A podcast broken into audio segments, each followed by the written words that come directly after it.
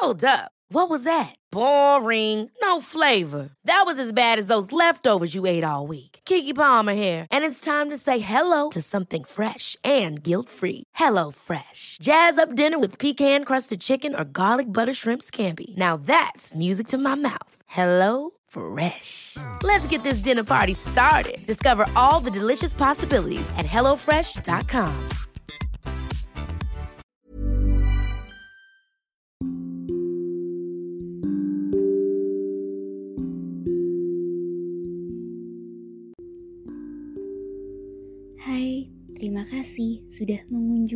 dan hendak mendengarkan podcast Dongeng Tidur. Aku Iren Evita. Selama ini, aku pakai aplikasi Anchor untuk buat dan publish seluruh episodeku. Kalian juga bisa loh download dan pakai Anchor untuk buat podcast karena 100% gratis dan bisa didistribusikan ke Spotify dan platform podcast lainnya.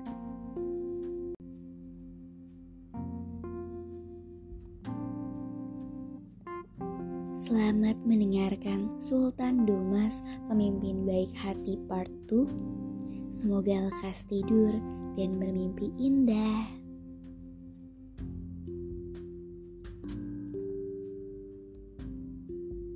Domas adalah seorang pemuda miskin dan sendiri tanpa satu anggota keluarga atau sanak saudara.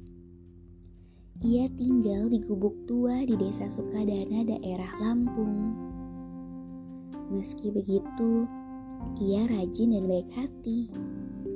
Sayangnya, ia sering dijahati oleh penduduk desa.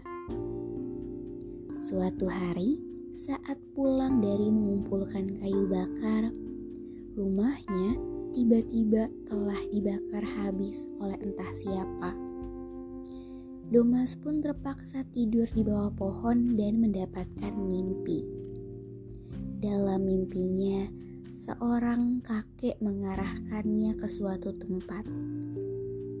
Karena tak ada lagi tempat untuk ia singgah, Domas pun mencoba percaya pada perkataan sang kakek dan memulai perjalanannya.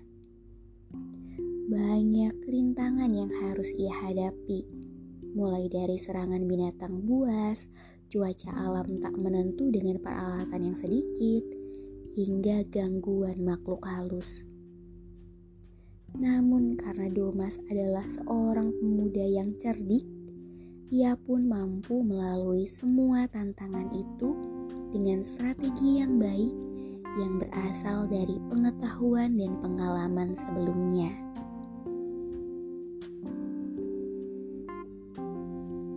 Berbulan-bulan kemudian, setelah Domas melakukan petualangan panjang yang penuh rintangan, ia akhirnya tiba di sebuah hutan lebat yang memiliki sungai besar dan berair jernih. Tempatnya pun rindang, memiliki banyak pohon yang asri dan tanahnya subur. Langitnya dan udaranya terasa sejuk untuk sesaat, Domas tertegun dengan keindahan dan keasrian tempat itu. Ia jadi teringat pesan sang kakek yang ditemui dalam mimpi beberapa bulan sebelumnya. Ia merasa inilah tempat yang dimaksud sang kakek. Kemudian, ia mengumpulkan dahan-dahan pohon serta daun-daun untuk membuat sebuah pondok mungil di tepi sungai. Ia menamakan daerah tepi sungai itu Wei Sekampung, yang hingga kini masih ada dan dikenal dengan nama demikian. Setelah merakit seharian, pondok sederhananya itu pun telah jadi. Ia pun lanjut menebang pohon untuk membuka ladang pohon yang telah ditebang ia simpan sebagai kayu bakar. Dari saat itu, ia memulai kehidupan yang tenang dan tentram di tempat barunya.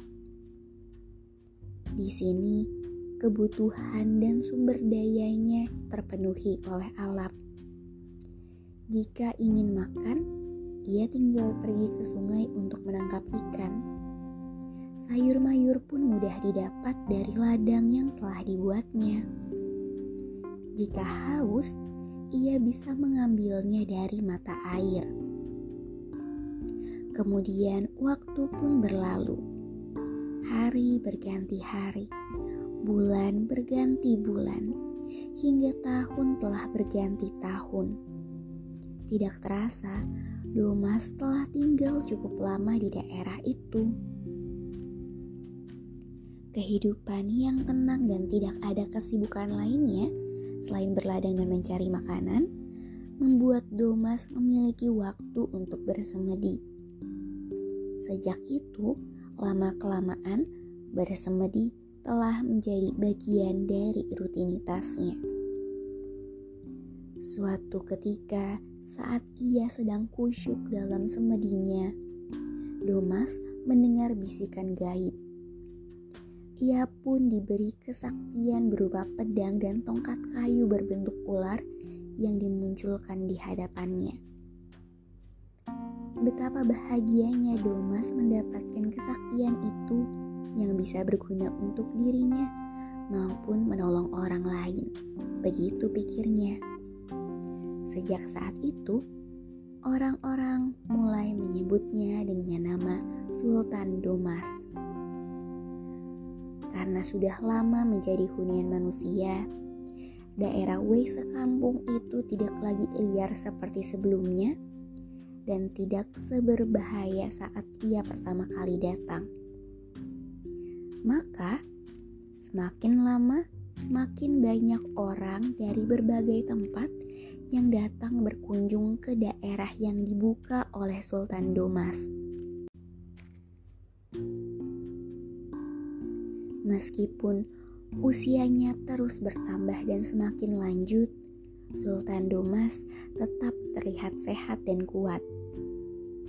Selain itu, semua memuji ketabahan, kesabaran, dan kebaikannya. Ia juga ramah tidak jarang para pencari ikan diselamatkan oleh Sultan Domas saat ada serangan buaya-buaya yang hendak memangsa mereka. Para pencari rotan juga sering diselamatkan oleh Sultan Domas dari serangan hewan-hewan buas. Oleh karena itu, nama Sultan Domas pun semakin dikenal oleh masyarakat sebagai orang tua yang sangat bijaksana dan suka menolong. Ia pun semakin dihormati karena selalu menolong orang tanpa pamrih dan menolak imbalan. Meskipun Sultan Dumas telah banyak berbuat baik kepada semua orang, sayangnya masih saja ada orang yang iri dengannya. Bahkan mereka juga merencanakan perbuatan jahat padanya. Suatu hari, saat Sultan Domas sedang mencari ikan di hulu Wei sekampung, tiba-tiba lima orang pria yang tidak dikenal menerobos masuk ke dalam pondoknya. Mereka mencuri barang-barang Sultan Domas termasuk dua pusaka miliknya. Setelah barang berharga dan benda pusaka berhasil mereka curi, mereka hendak membakarnya sebelum meninggalkan pondok. Namun anehnya, api selalu hilang setiap disulut oleh mereka. Yang lebih mengejutkan lagi, saat mereka menyerah membakarnya dan hendak meninggalkan tempat itu, tiba-tiba di hadapan mereka muncullah seekor ular besar dengan semburan api yang menghadang mereka keluar dari pintu. Dengan penuh ketakutan, mereka berlari ke arah jendela dan berusaha melompat keluar. Namun berikutnya, ada seekor buaya yang siap menerkam mereka dari luar jendela. Mereka pun menjadi sangat takut dan tidak bisa ke mana pun. Hingga Sultan Dumas pulang dan masuk ke dalam pondoknya, ia melihat ada lima orang asing di dalam rumahnya. Namun ia tidak tampak terkejut atau marah. Malah, ia menjamu lima orang yang telah berbuat jahat padanya dengan ramah. Mereka pun tidak bisa berkata apa-apa, seolah mulut mereka telah terkunci. Setelah Sultan Domas mengucapkan salam kepada mereka, barulah mereka dapat berbicara kembali. Sultan Domas mengajak mereka untuk bermalam karena hari sudah sangat larut dan mereka pun menurut. Keesokan harinya, kelima pria itu pamit berterima kasih dan meminta maaf pada Sultan Domas. Kemudian, Sesampainya mereka di kampung, mereka menceritakan kejadian yang dialami kepada para tetangga. Cerita itu pun semakin tersebar dari kampung ke kampung lainnya bahwa ada pria tua yang sakti dan bijaksana yang tinggal di dalam hutan Wei sekampung. Banyak orang yang penasaran hingga mereka berdatangan ke Wei sekampung untuk tinggal dan membuka ladang di sana. Semakin lama, Wei sekampung menjadi semakin ramai oleh penduduk hingga berkembang menjadi perkampungan besar. Sultan Domas yang di masa mudanya banyak dihina dan dijahati oleh orang-orang, saat masa tuanya Kini ia dihormati oleh banyak orang.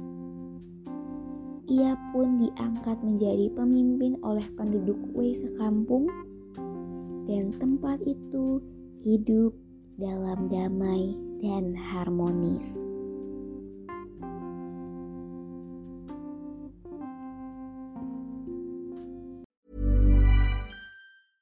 Mom deserves the best, and there's no better place to shop for Mother's Day than Whole Foods Market. They're your destination for unbeatable savings, from premium gifts to show-stopping flowers and irresistible desserts. Start by saving 33% with Prime on all body care and candles. Then get a 15-stem bunch of tulips for just $9.99 each with Prime. Round out Mom's menu with festive rosé, irresistible berry chantilly cake, and more special treats. Come celebrate Mother's Day at Whole Foods Market.